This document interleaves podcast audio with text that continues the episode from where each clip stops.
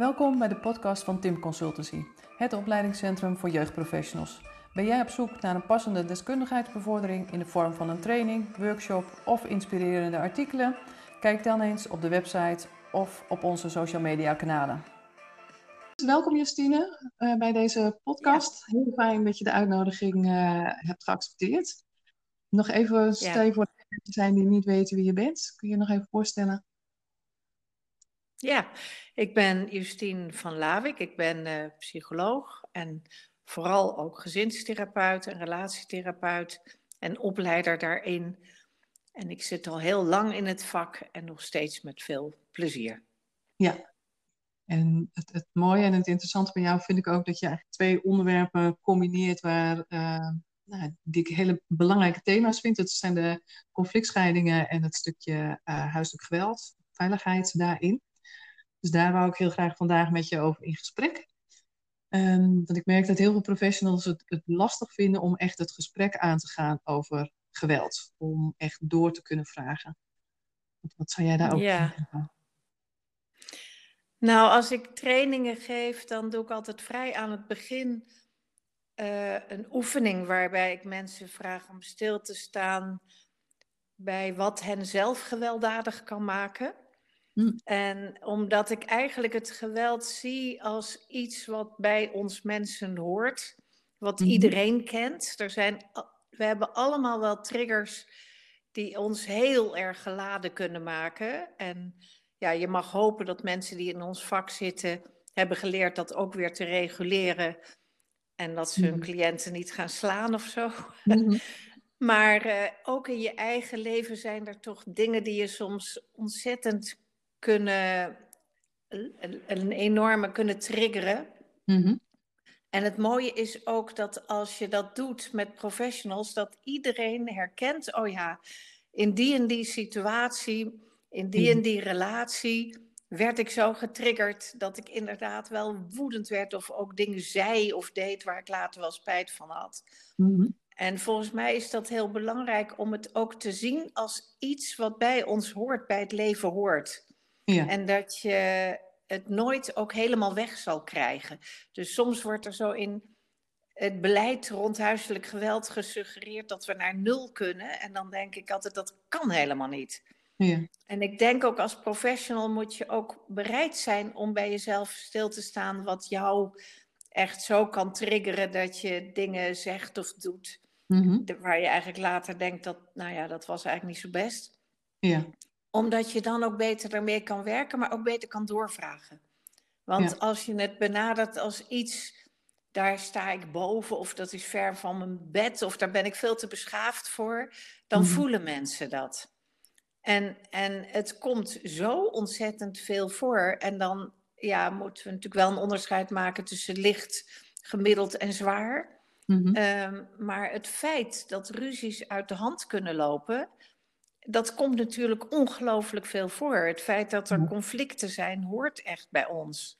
Mm-hmm. En als je ziet bij jonge kinderen van, nou ja, zo rond de twee jaar en drie maanden, tweeënhalf, als ze nog wel al echt in het sociale verkeer zijn, maar nog niet genoeg taal hebben, mm-hmm. dan zie je ook dat hun lijf gaat spreken. Dat ze een, ja. echt ja, een, een, een autootje uit de, uit de hand van een ander rukken, aan elkaars haar trekken elkaar mm-hmm. zelfs met een schopje op de hoofd kunnen slaan. En dan ja. proberen we kinderen te beschaven en zeggen eerst mag hij en dan mag jij en geven ze een zoentje en niet pijn doen. En dan leren we kinderen daarmee om te gaan. Maar die mm-hmm. agressie, die zit wel in ons mensen. Ja. En uh, ja, dus in zekere zin hou ik ervan om te zeggen, laten we het benaderen als iets wat bij ons wordt van gewoon is en niet heel ver van ons af, want dan kan je er niet goed mee werken. Mm-hmm. En ook als je mensen doorvraagt op wat is er nou precies gebeurd, dat is moeilijk. Ja. Maar het is minder moeilijk als je het daardoor ook van binnen gaat begrijpen.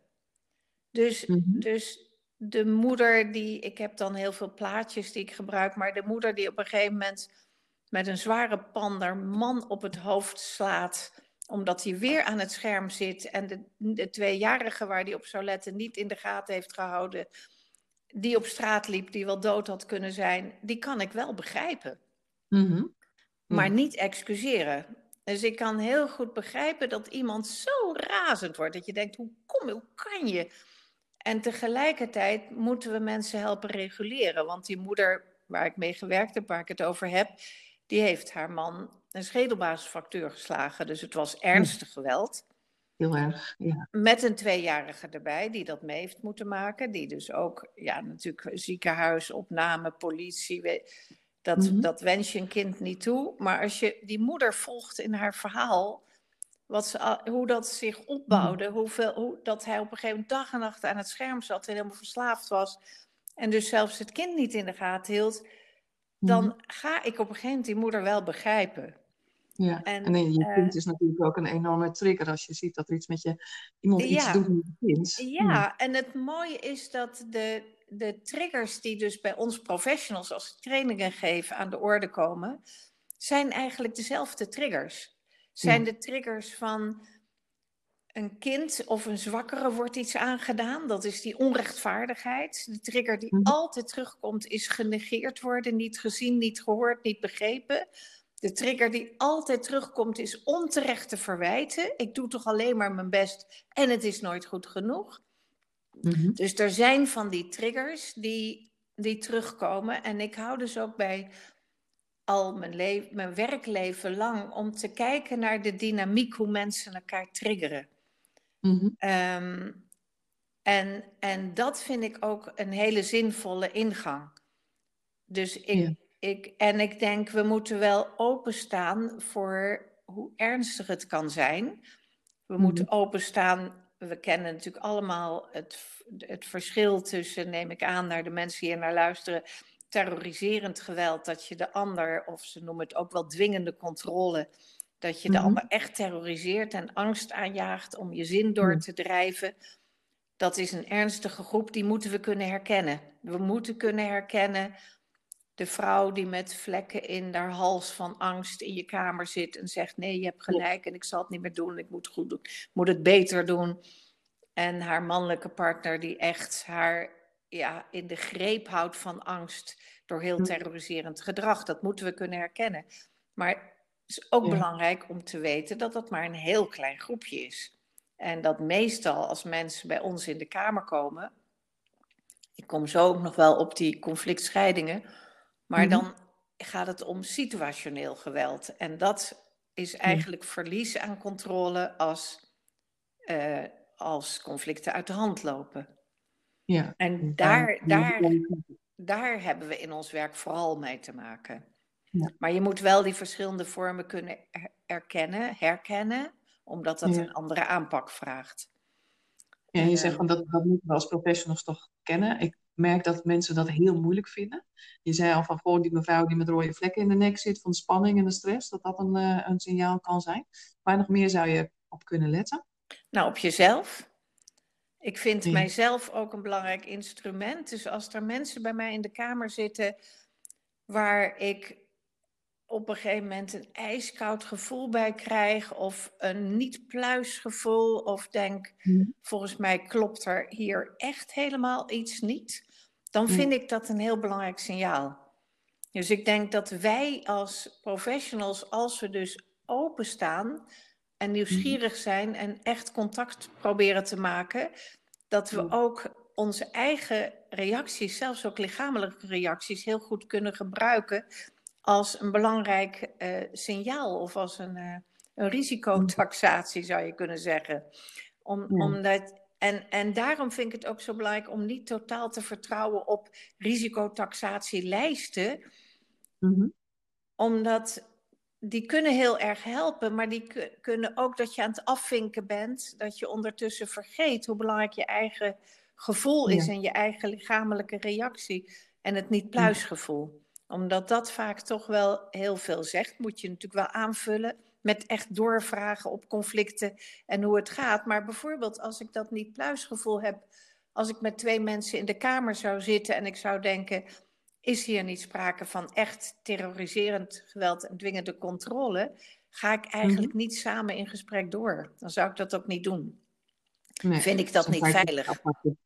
Dan zou ik veel mhm. liever alleen met die man gaan praten. En op misschien een ander moment alleen met die vrouw. Maar dan zou ik met die man nog verder willen uitzoeken. Uh, uh, ja, hoe, hoe, hoe zit het eigenlijk met jou? Maar goed, ik wil daar niet te diep op ingaan, omdat ik hm. dat maar, dat is echt ook door onderzoek nu vastgesteld, een hele kleine groep. Dus ik ga er mhm. liever van uit. Ik ga er eigenlijk van uit als mensen bij mij komen met uit de hand gelopen conflicten en geweld, dat het situationeel geweld is. En dat is veel mhm. meer verbonden met machteloosheid dan met macht.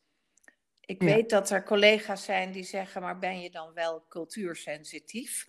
Want er zijn toch ook culturen waarin vrouwen echt onderdrukt worden.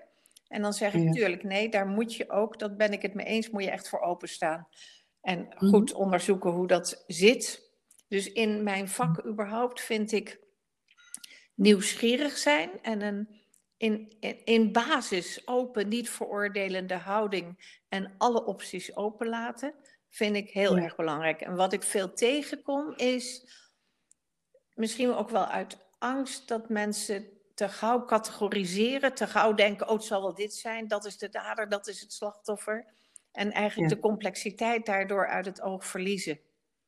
Mm En ehm, ja, ik, ik ben nu een boek aan het lezen. Ik weet niet of ik het nu te veel compliceer, maar ik hou ook wel van compliceren, want dat ligt dichter bij het leven dan categoriseren.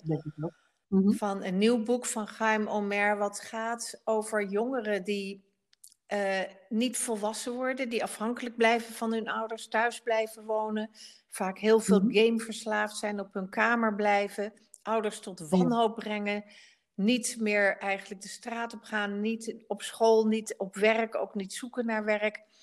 En als die ouders proberen die jongeren echt in beweging te krijgen, dan krijgen ze geweld op zich af, ook fysiek enorme agressieve reacties. En die ouders blijven maar proberen hun kind gelukkig te maken, accommoderen. En dat gaat over die hele dynamiek en hoe die ongelooflijk uit de hand kan lopen. En ook Gaim zegt, je moet dan letten op de dynamiek, want iedereen denkt, die jongeren, daar is een depressie aan de hand of, of wat ook, of misschien wel psychose, die moet in behandeling. Maar die mhm. individuele behandelingen falen vaak omdat er niet naar de dynamiek wordt gekeken. Naar ouders die ook zijn blijven accommoderen met zo'n. En die ouders denken: ons kind is kwetsbaar, daar moeten we accommoderen. En mhm. dat kind gaat ook steeds meer geloven: ik kan dit leven niet aan.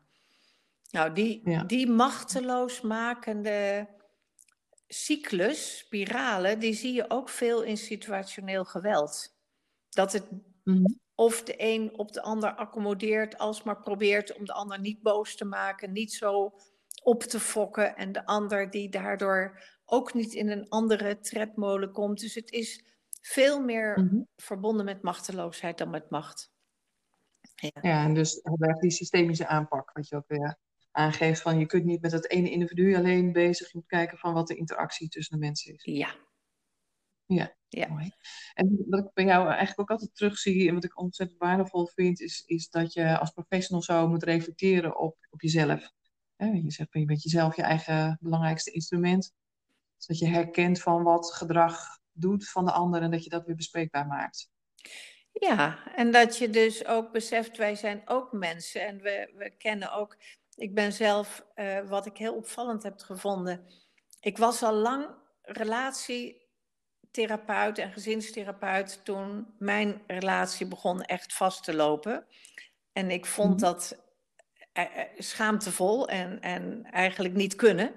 Dus ik dacht, nou ja, ik moet het toch wel zien te redden met de vader van mijn kinderen. En ik ben heel lang ben ik bezig geweest dat te redden.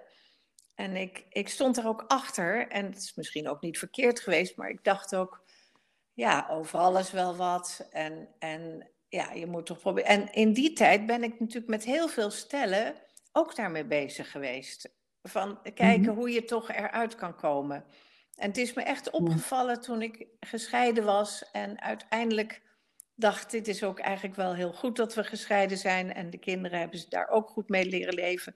En niet een conflictscheiding natuurlijk, maar we hebben dat denk ik wel goed gedaan. Dat ik toen opeens ook veel opener stond voor de optie dat scheiden soms ook goed kan zijn. Mhm. Dus wij nemen onszelf altijd mee en dat, daar wordt ook niet altijd zo goed bij stilgestaan. Ja, dus dat is mhm. zeker een uitgangspunt van mij. Dat, dat het goed is om stil te staan, zelf kritisch reflectief te zijn. Wat breng ik in mhm. deze situatie met deze mensen? Ja, ja. mooi. Ja. Dus je geeft aan van om het gesprek over, over geweld aan te gaan binnen relaties, zeg je van is het belangrijk om ook het menselijke stuk te zien? En wat nog meer is belangrijk daarin in het bespreekbaar maken?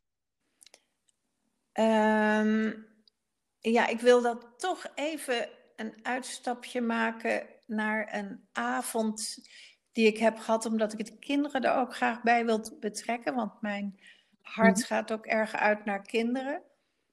En uh, Paulien Bom en Herman Baartman hebben een mooi boek geschreven, wat je misschien wel kent als Het misgaat thuis. En dat gaat mhm. over kindermishandeling en echt ook ernstige kindermishandeling met uithuisplaatsingen. Uh, maar het perspectief van de ouders. Dus Herman en Pauline hebben allemaal ouders geïnterviewd uh, over mhm. dat, dat zij als ouders geweld hebben gebruikt. En de achtergrond daarvan, maar ook wel hoe ze de hulpverlening hebben ervaren. En na al die mhm. interviews is er een avond geweest op het Lorenshuis die ik mocht begeleiden. Waar, de, waar een aantal ouders bij zaten, hulpverleners, mhm. ook een kinderrechter en we hebben eigenlijk met elkaar besproken, wat gebeurt er nu eigenlijk? Daar heb ik ontzettend veel aan gehad. En ik denk wel allemaal op die avond. Omdat het menselijke aspect kwam goed naar voren. Um, het, we konden een veilige sfeer maken met elkaar, waarbij bijvoorbeeld een moeder kon zeggen als er een melding is geweest bij Veilig Thuis en jullie, de professionals, komen dan bij mij kijken of het wel veilig is en of het kind wel bij mij kan blijven, dan zit ik zo hoog in de stress. En dan probeer ik echt mhm. te zorgen dat het huis er picobello uitziet. Dat er niks op, dat de ijskast gezond eten heeft. Dan ben ik helemaal bezig. Ga ik dit examen halen? En ik zit super hoog in de stress. Want ik ben als de dood dat ik een onvoldoende krijg en dat ik mijn kind kwijtraak. En toen vroeg ik aan de professionals: Oké, jij jij, jij gaat naar zo'n huis toe. Hoe hoog is jouw stress als je aan de voordeur komt? Mm. Ze zei ja, superhoog. Want ik moet gaan bepalen, is het daar veilig of niet? Moet risicotaxatie, moet doorvragen. En ik mm. ben als de dood dat ik tot de conclusie kom... het is niet veilig genoeg, dat kind moet uit huis. En wat gebeurt er dan? Mm. word ik aangevallen? Uh, kom ik nog wel veilig die deur uit? Weet ik wat? Maar ik ben ook als de dood dat ik denk, ja, misschien kan het toch wel... En dat er dan straks iets gebeurt, dan heb ik het gedaan. Dus die verantwoordelijkheid mm drukt giga zwaar op mij. Dus we konden vaststellen dat er twee mensen helemaal hoog in de spanning bij elkaar komen om te bepalen of het wel veilig is. En opeens dachten we, ja, dat is natuurlijk toch wel een merkwaardig. Dat kan eigenlijk niet. We weten dat het niet kan, dat je niet goed rustig in, met, met een kalm brein en een kalm lichaam kan je goed nadenken en afwegen en doorvragen en onder ogen zien wat er is. Maar als je allebei hoog in de stress zit, gaat dat niet lukken. Toen kwam de vraag aan de kinderrechter: oké, dan komt het bij jou terecht. We namen zo dat hele proces door. En dan moet jij er een klap op geven of die kinderen thuis kunnen blijven of uit huis gaan. Hoe, hoe is dat voor jou eigenlijk? En toen zei die kind: nou, dat, kan, kan misschien wel eerlijk zijn. Ik heb daar ook wel eens een slapeloze nacht van. Ik denk, jeetje, wat een verantwoordelijkheid. En, zei ze, en dat vond ik het allermooiste. Ik denk dan ook wel eens, ik ben blij dat ze soms niet met een camera door mij, uh, bij mij naar binnen kijken. Want ik doe het ook echt niet altijd goed als moeder. Als ik moe ben en geïrriteerd ben en die kinderen weer niet luisteren of niet willen. Dan ben ik ook, ja, dan denk ik ook wel eens, moe. Ik ga hier geloof ik ook wel misschien over de grens. Dus dat, dat was zo mooi dat we zo van mens tot mens met elkaar konden praten. En dat is de sfeer waarin we echt met elkaar verder komen. En die ouders konden toen ook zeggen: we maakten er ook een potje van. Het was goed dat er werd ingegrepen. Het kon zo ook niet doorgaan. Maar we willen wel erkend blijven worden als ouders. We willen er wel bij betrokken blijven. We moeten wel in onze ouderlijke positie neergezet worden. En, mm. en, en, ik denk dat is een attitude, als we die hebben van mens tot mens, hoe ernstig het er ook uitziet, dan kom je ook het verste. Want dan zijn mensen ook bereid om aan jou te vertellen Het was ook niet oké. Het ging ook niet goed. Ik heb ook dingen gedaan die niet kunnen. Dat moet Mhm. ook anders. En daar wil ik graag aan werken. Ja.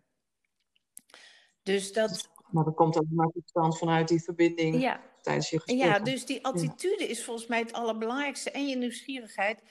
Want dan gaat het op een gegeven moment, lijkt wel vanzelf. Oké, je stond, je kwam van je werk, je was laat, je dacht, zij gaat natuurlijk weer mij op mijn kop geven dat ik te laat was, maar kon er niks aan doen, want ik, mijn baas liet me niet gaan. En, eh, Oké, hoeveel spanning Ja. had je dan bij de voordeur al? Ja, toen zat ik al op acht. Oké.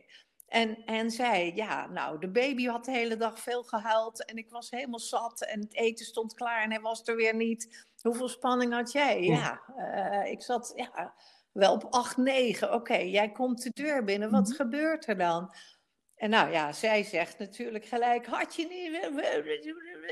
En hij, ja, en dan binnen de kortste keren wordt het ruzie, gaat die baby krijsen, eh, loopt het uit de hand. En mensen gaan je Mhm. dat vertellen op het moment dat je bereid bent om echt met hen te zitten en hen niet te veroordelen. En samen te zoeken wat daar Ja. nodig is. Ja, Precies. Ja, wat ik, wat ik wel veel van jeugdprofessionals ook hoor, is eh, van, van hoe krijg je mensen zover dat ze daarna durven te kijken, daarover in gesprek durven te gaan. Hè? Dus wanneer je bijvoorbeeld bij het wijkteam is en je ziet dat het niet goed gaat, ehm, en dus hoe kun je werken aan die motivatie. nou, door Ja. eerst zelf op zoek te gaan naar waar loopt het in mijn leven wel eens uit de hand? Hoe, hoe werkt dat eigenlijk? En waar word ik getriggerd en wat doe ik dan? En, en te zien dat dat Mhm. een continuum is. Dat dat helemaal niet zo idioot ver ligt van wat er bij die mensen gebeurt. En dan kom je binnen met een accepterende houding en ook een gelijkwaardigheid op een bepaalde manier. En dat voelen mensen. Ja. Dan zijn mensen ook veel meer bereid om samen met jou te zoeken. En dan kunnen mensen ook zeggen, dat heb ik zo vaak gehoord. Ja, u of je, wat ze ook maar zeggen, heeft gelijk. Zo kan het ook niet Ja. verder. Ik wil dat ook zelf niet meer. En Hm. ik, het, het gaat ook niet goed. Dan, dan krijg je een paar, en dan ga je onderzoeken wat gaat er niet goed. Hoe- En dan vraag je door. Maar ik heb altijd in die gesprekken, dan zie ik een soort filmpje vormen. Dus mensen willen soms van het ene naar het andere. Dus het zijn vaak snelle gesprekken. Ja, maar jij hebt ook, Mhm. jij komt ook altijd te laat. Ja, maar jij, weet je dan niet. eh. En dan gaat het heen en weer. En dan leg ik het helemaal Mhm. stil. Dan zeg ik, jongens, ik ben een langzaam mens. Dit kan ik allemaal niet volgen. En laten we één voorbeeld bij de kop pakken. Mag van vanochtend zijn, van gisteren of van vorige week, maakt me niet uit. Eén Mhm. voorbeeld waarbij het uit de hand loopt. Waarbij jullie zeggen, Ja. ja, dat, dat, dat loopt te hoog op. Dat is niet oké. En dat is ook voor onze kinderen niet oké. Jullie weten best waar ik het over heb. Laten we één Mhm. voorbeeld nemen. Want dat is net zoals met bloedonderzoek. Als je één druppeltje bloed of twee onder de microscoop legt, krijg je het bloedbeeld en zie je of er ontstekingen zijn of wat er niet. Ja. Eén voorbeeld is vaak het hele verhaal. En dan leg ik het echt stil. Zeg ik, laten we dat ene voorbeeld onder de microscoop leggen. En dat doe ik dan. Ja. Daar is soms even verzet tegen, maar dat lukt eigenlijk altijd. En dan zit ik Mhm. gewoon met mijn open mind. En nu, ik vind dat ook mijn risicotaxatie. Meer dan dat ik die Ja. dingetjes af. Dat ik denk, hoe, hoe gaat het nou eigenlijk precies? En dan ga ik dus Mhm. van de een naar de ander. En ze horen dan ook vaak voor het eerst wat er bij die ander plaatsvindt. Dus gedragstherapeuten hebben het altijd over het GGG-schema. Dat de, dus een gebeurtenis, wat zijn de gedachten, wat zijn de gevoelens, wat is je gedrag. En eigenlijk doe Mhm. ik hetzelfde, maar dan relationeel. Dus wat is, het, Ja. wat is er nou eigenlijk gebeurd? En, en wat dacht Ja. je toen voor de deur? Ja, ik dacht, eh, ze zal wel weer eh, kritiek hebben dat ik te laat. Oké, en wat, wat voel je dan? Mhm. Ja, ja dat, dat is gewoon niet eerlijk. is gewoon. Eh, Oké, wat ga je dan doen? Ja, dan, dan ben ik eigenlijk. En dan zeg ik tegen haar: wat, wat, wat, wat, wat, wat dacht jij dan? Ja, hij is te laat. Hij, het gaat hem, hij denkt helemaal niet over mij en mijn kind, ons kind. En, Mhm. en, en ja, wat voel je dan? Wat ga je dus, dus eigenlijk kan je dat schema heel goed gebruiken om, maar ga langzaam. Ja. En je zegt van dat, dat helpt vooral van als het zo'n hele brei is aan voorbeelden van toen Ja. en toen en zo en zo. Er één specifieke situatie uit die je samen Ja, helemaal gaat Als een filmpje. En dan gebruik ik ook weer mezelf. Ik moet het filmpje voor me gaan zien. Dus ik vraag Mhm. beeldje voor beeldje uit naar gedachten, gevoelens, gedrag. En, dan, en hoe ze daarin op elkaar reageren. En dan vraag ik ook, en had je in de gaten wat er met jullie kindje van 1, 3, 5, waar was die? Wat, hoe reageerde die? Heb je dat nog in... En soms weten ze dat helemaal niet. Zeg ik, ja, die verdwijnt dan ook helemaal uit de aandacht. Hè? Ja, dus, Ja. dus, dus langs in ons vak, als je snel wil gaan, moet je langzaam gaan. Dat is Dat is een wetmatigheid. belangrijk. Ja. Ja. En je zei, zei ook van, dat heel vaak is dat het eerste moment waarop ze het er samen over hebben. Ja. Dat dus ook duidelijk wordt En ook van was. elkaar horen. En ik luister natuurlijk naar die hele dynamiek. Maar ik hoor soms ook al wel de openingen waar het anders kan. Dus Mhm. dan kan ik daarna ook, soms kan dat zelfs al in één gesprek, soms niet. Dat ik in dat gesprek ook kan stilstaan bij hem. Wat had je anders kunnen doen, waardoor het niet zo'n Mhm. gevecht geworden weer was? Dus je komt Ja. laat van je werk, je baas heeft je, je wou op tijd zijn je, en je, je durfde eigenlijk niet te bellen, want je dacht dan krijg ik alweer de wind van voor. Wat had je anders kunnen doen? Ja. En ik vraag aan haar ook, wat had je anders kunnen doen? En dat schrijf ik ze niet voor, maar dat laat ik ze eh, zelf, Zelf bedenken. bedenken. Ja. En vroeger deden we dan Ja. de time-out methode. dat staat Mhm. zelfs nog beschreven in boek, wat in de nieuwe drukken niet meer, in de oude drukken wel. Van dan gaat een van de twee gaan weg, Mhm. of hij moet eerst een obbetje maken en dan moet je allebei kalmeren en dan moet je het weer het contact Mhm. herstellen. Totdat ik merkte dat Ja. soms dat weggaan pas echt de trigger was van geweld. Ik denk, we Mhm. hebben wel meer zicht gekregen ook op eh, ja, verlatingsangst, hechtingsproblemen. En, en dat dan Ja. een time-out helemaal niet werkt. Integendeel, dat maakt het dan nog erger. Dus Ja. nu vraag ik veel meer aan. Wat kalmeert jou? Ja, iemand voelt zich dan Ja. extra knap. Ja, dus Mhm. kalmeren. Oké. Het is ook iets heel simpels. Als mensen in hun, je hebt ook veel, geef je les over het window of tolerance, over je tolerantieraam. Mhm. Als mensen daar binnen kunnen blijven, loopt het niet zo uit de hand. Dus hoe kan je ook kalm Mhm. genoeg blijven om jezelf te blijven reguleren? Ook vooral met ter wille van je Ja. kinderen. En wat geven mensen dan voor voorbeelden wat nog meer werkt? Naast eh time-out, ja. Als dat niet werkt. Nou, kijk, time-out is een middel. Dus als, Mhm. als die man zou zeggen: Als ik zo geladen ben, dan moet ik eigenlijk, als ik uit de auto stap, eerst een rondje lopen buiten. Voordat ik naar binnen ga. Mhm. Dan kan, dan kan ik me kalmeren en anders naar binnen gaan. Dan is Mhm. een time-out een instrument om te kalmeren. Dus het doel is nooit de time-out. Maar dan vraag ik aan haar: eh, Oké, wat gebeurt er dan met jou? Ja, dan is die nog later, dan ben ik nog. nog op- Oké, dus hoe, kan dat, hoe kunnen jullie dat dan doen op een manier dat je allebei kan kalmeren? Nou, hij zou eh, Mhm. kunnen zeggen: ik, ja, ik zal toch even een appje sturen van. Ik, eh, ik, ik, ik ben tegengehouden door mijn baas. Ik wou naar huis. Ik ben te laat. Ik ben eigenlijk ontzettend gefrustreerd. Ik maak even, ik ben er zo. Ik moet even een rondje, want ik wil niet boos Ja. op je worden. Nou, dat zou al Hm. een groot verschil maken. En Ja. zij kan zeggen, misschien moet ik er toch van uitgaan dat hij het niet expres kwaad bedoelt. Of moet ik mezelf oefenen. Dus je kan met mensen kijken, wat Ja. kalmeert eigenlijk? Maar het grappige is, dan krijg je Mhm. hele verrassende antwoorden. Dus daarom ben ik ook afgestapt van dingen voorschrijven. Want er, er was ook Mhm. een man die zei, ja, dan moet ze me gewoon even vasthouden. Dat is het tegenovergestelde van time-out. Ja. En Ja, toen zei laat zij, ja, maar dat kan ik Ja. helemaal niet dan. Dan ben ik echt zo kwaad of bang of dan ga ik je echt niet vasthouden. Ja. Nou dan kijk je, zoek je verder Ja. met ze, wat dan? En, en hij Mhm. bleek echt nodig te hebben dat hij haar nog hoorde. Ze kon wel naar de keuken gaan, maar dan met kopjes rammelen, zodat hij hoorde dat ze niet weg was. Dat was een man met enorme verlating. Dus je komt dan ook vaak Ja. op hun kwetsbaarheid. Hè? Dus dat, het heeft ook zoveel te maken met kwetsbaarheid. En eh, ja, Mhm. daar Mooi. kom je dan ook op. Ja. Ja. Ja. En, en dit zijn met, eh, mooie voorbeelden van hoe het gaat met mensen nog in hun relatie. En je zei net al van, nou ja, de conflictscheidingen Ja. kom ik zo nog wel op. Er is natuurlijk ook ehm, situaties dat wanneer er sprake is geweest van huiselijk geweld, mensen uit elkaar gaan, dat het soms eh, doorgaat. Wat is dan Ja, wat in ieder geval natuurlijk doorgaat, is de herinnering.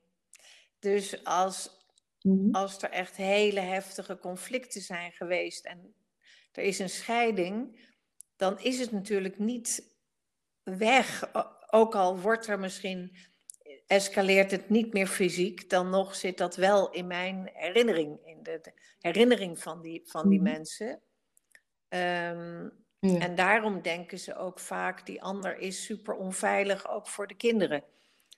En dat kan ik Mhm. begrijpen, maar het is ook belangrijk om te weten dat het helemaal niet zo hoeft. Hè? Dus dat, dat iemand die in een relatie heel gewelddadig is geweest, soms als moeder of als vader eh, wel veilig kan zijn Mhm. voor de kinderen. Dus dat moet altijd opnieuw uitgezocht worden, hoe het nou eigenlijk zit. Maar inderdaad zijn, eh, als er conflictscheidingen zijn, hebben die ook vaak te maken met dat het in de relatie ook vaak uit de hand gelopen is. Dat is in ieder geval een groep. Dat Mhm. hoeft niet, maar dat is een groep. Ja. Die, ik vind dat er nogal veel verschillende conflictscheidingen zijn eigenlijk. Je hebt ook van die. Wij hebben ook nogal wat voorbeelden van mensen die hadden eigenlijk nog wel een goede relatie. eh, waar, Ja. waar ze het eigenlijk, een van de twee zag het ook helemaal niet aankomen, heb je dan. Die heb ik, ik Mhm. heb er nu weer een. En dan is hij opeens verliefd geworden op een goede vriendin van haar. En in, voor haar gevoel ze, eh, komt het als een donderslag bij heldere hemel dat hij zegt: Ik ga bij je weg. En, en Ja. dat ei- eindigt ook wel vaak in conflictscheidingen, omdat het zo onverdraaglijk is. En je doet mij zo'n pijn Mhm. dat ik jou ook pijn moet doen. En, en dat is door de kinderen heel erg aan me te binden, de, de- te demoniseren. Ja, eh, iedereen Ja. mee te nemen in het verhaal wat jij voor een monster bent die mij en de kinderen en het gezin kapot maakt. En de ander die het gevoel Mhm. heeft, ja, al heel lang voelde ik me niet meer goed. Nou ja, goed, in ieder geval dan krijg je van die vreselijke verhalen. Maar dan was het niet zo dat. Dus het, het is ook wel heel verschillend. Maar ik wil ook wel heel graag toekomstgericht werken met conflictscheidingen. Trouwens, Ja. natuurlijk met andere stellen ook. Gaan jullie uit elkaar of blijven jullie bij elkaar? Of hoe ziet de toekomst eruit die voor Ja. iedereen zo best mogelijk is? Maar bij conflictscheidingen vind ik Mhm. het ook heel belangrijk, want die mensen neigen juist soms erg om terug te grijpen op hoe het was. En ik Mhm. denk, ja, ik vind conflictscheidingen mislukte scheidingen. Eh, want die mensen blijven maar met elkaar bezig, die raken niet gescheiden. Dus conflict, bij conflictscheidingen gaat het ook heel erg om mensen helpen echt te scheiden. En ja, Ja. En, en conflictscheidingen gaan altijd over ouderschap. En zorgen om de kinderen. Als er geen kinderen zijn, dan krijgen wij daar ook eigenlijk niet mee te maken. Dan gaat het alleen maar over geld en boedel. Nou, dan gaat het wel via de rechtbank, Mhm. maar dan komen wij daar niet bij eh, kijken. Dus bij ons gaat het eigenlijk over ouderschap en zorgen over ouderschap. Zorg die ander wel goed. Ja. Hoe je dat vorm Ja. Ja. Hoe je dat vorm kan Ja, geven hoe, de hoe- dus het is Ja. wat Lieve Cotin ook noemt de reorganisatie van ouderschap. Maar het gaat om hoe kunnen ze, en, en als daar heel veel zorgen op zijn, bij een of beide ouders, dan, Mhm. dan krijg je natuurlijk ook heel veel conflicten. Maar wat, wat, als je toekomstgericht werkt met mensen in een conflictscheiding, dan gaat het ook om het ondersteunen van de mensen. Ook daar weer de medemenselijkheid, het niet veroordelen. Ook daar is de attitude weer super belangrijk, omdat die mensen ons zo irriteren vaak, dat je denkt, dan kan je, dat is wat ouders mij ook zeggen, dat ze het gevoel krijgen dat eigenlijk de meeste hulpverleners zoiets hebben, dat kan je toch niet maken? Om, jullie hebben toch kinderen, hè? Je kan iedereen ze horen keer op keer, je kan scheiden als partners, maar je scheidt niet als ouders en jullie moeten een goed team vormen. Iedere keer horen ze dat weer. Terwijl dat juist niet gaat.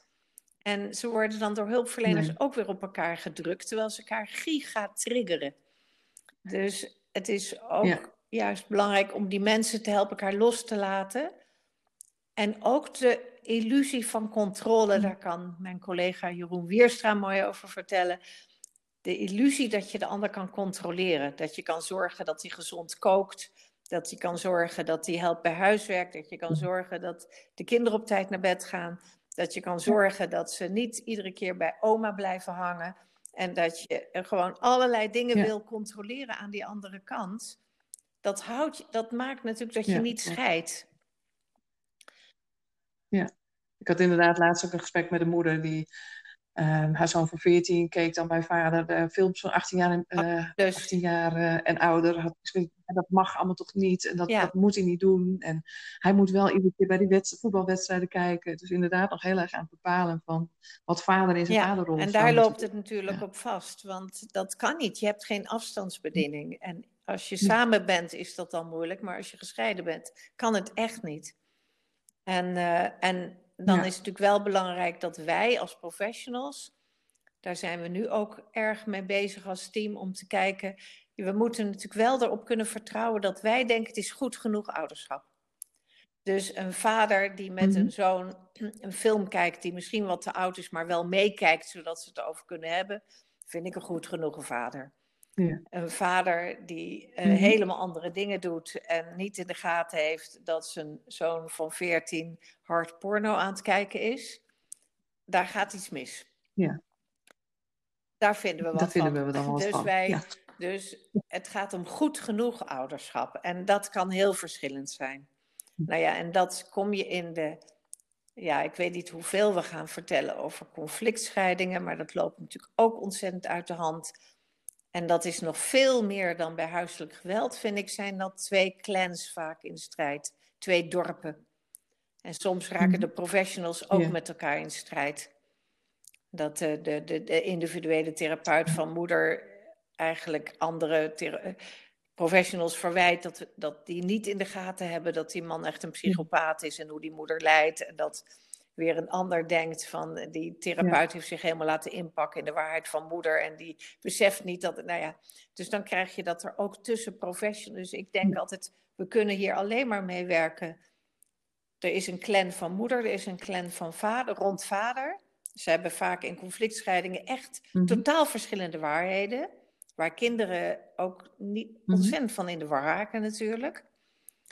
En en je hebt de professionals en eigenlijk moeten die zich ook verbinden om verder te komen. En vooral niet ook tegen elkaar in gaan werken. Want dan houdt het nooit op. Ja. En wat is dan toch die dynamiek dat dat ontstaat? Die twee clans Die twee clans. Nou, in een scheiding waar, waar veel pijn zit, heb je. Het mhm. zijn vaak ook ouders die het eigenlijk wel allemaal heel goed willen doen. Dus die gaan dan hun eigen straatjes schoonvegen. En dat doe je door een verhaal te vertellen. En dat verhaal heeft als plot: die ander is de dader en ik ben het slachtoffer. Het komt door die ander dat. En ik heb er alles aan gedaan om het te voorkomen, om het goed te laten lopen. En ik, en vaak ik en de kinderen, zijn het slachtoffer van die ander. En dat verhaal wordt zo vaak mhm. verteld op de school van de kinderen, aan de nieuwe partner, aan de vriendinnen, aan de oude buren, aan de familie. Dat dat wordt steeds meer waar. Dat wordt een in beton gegoten verhaal. En die ander doet precies hetzelfde. Mhm. Van, uh, ik was al heel lang in de relatie, alleen in de relatie en ik deed nooit goed.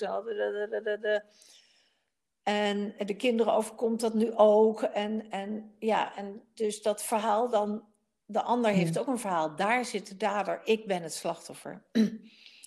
en de kinderen. En ook die vertelt dat zo vaak. Mhm. En dan heb je dus twee in het beton gegoten waarheden.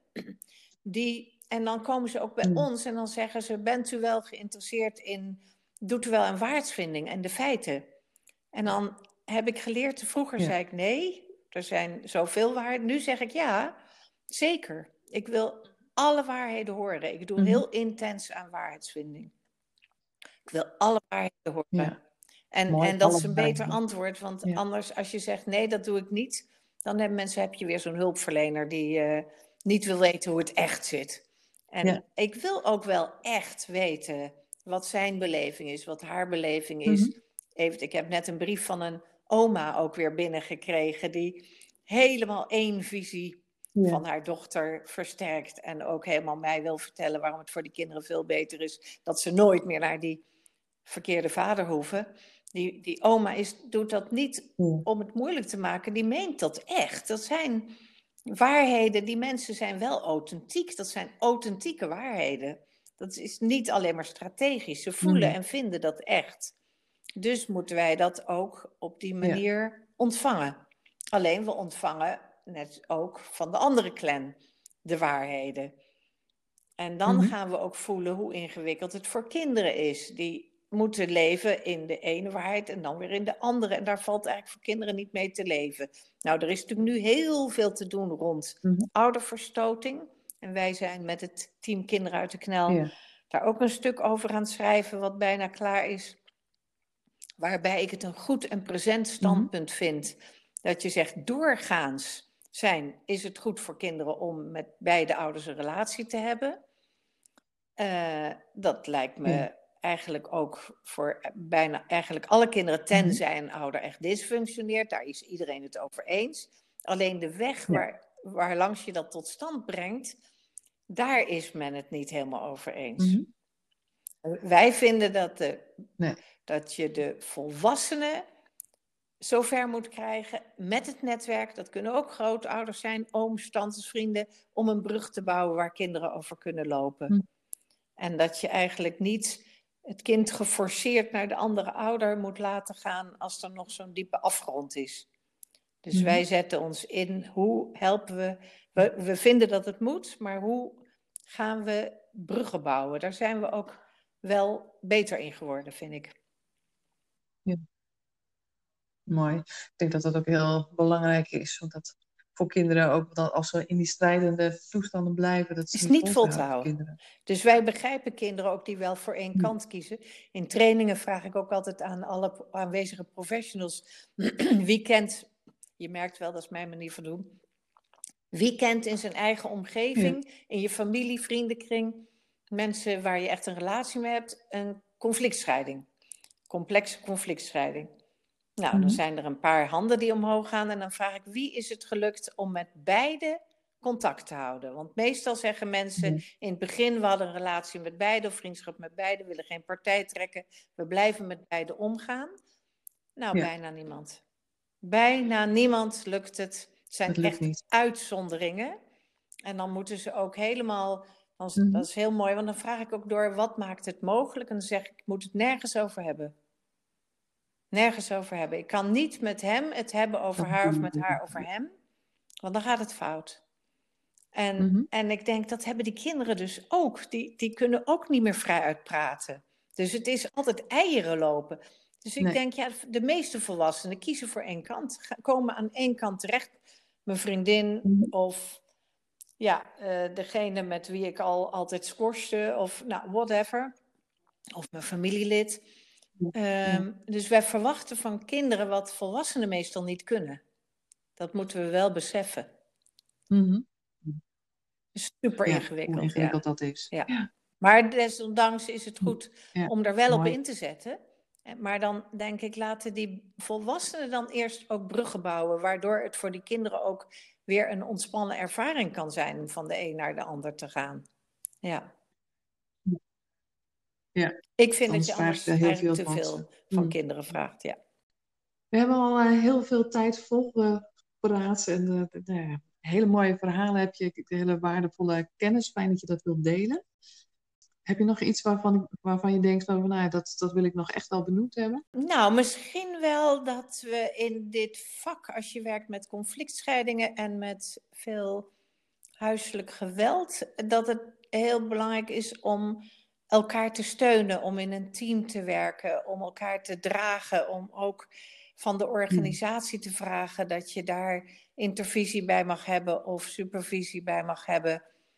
Dat, dat er ook goed voor ons gezorgd Mhm. wordt. En dat we dat ook met elkaar, dus er wordt wel gezegd zelfzorg is ook belangrijk, maar ik vind eigenlijk geen individuele opdracht.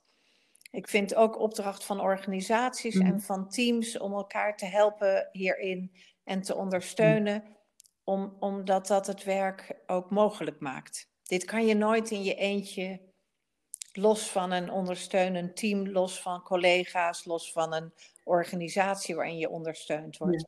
En dat, dat vind ik met al die Ja. bezuinigingsrondes die zijn geweest en met de transitie erg in de knel gekomen. Ik vind, ons programma heet Kinderen in de knel, ik vind veel professionals in de knel.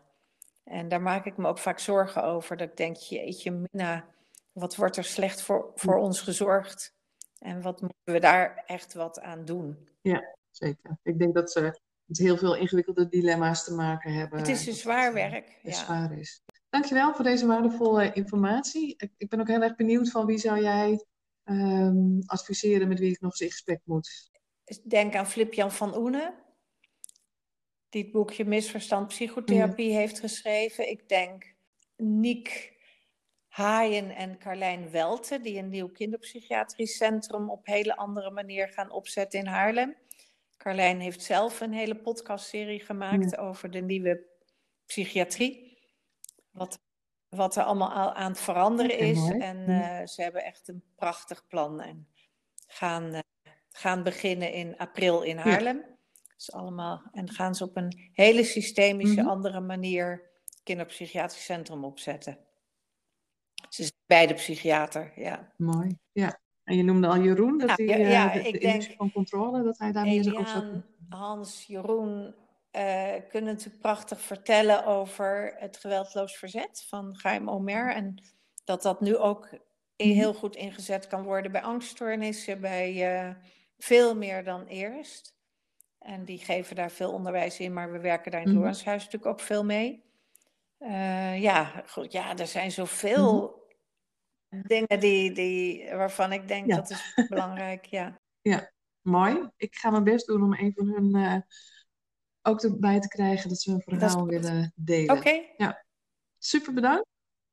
goed zo. Heel fijn om het samen te- zo te doen. En, eh, Oké. Dag. Dank je. Dankjewel voor het luisteren naar deze podcast van Tim Consultancy.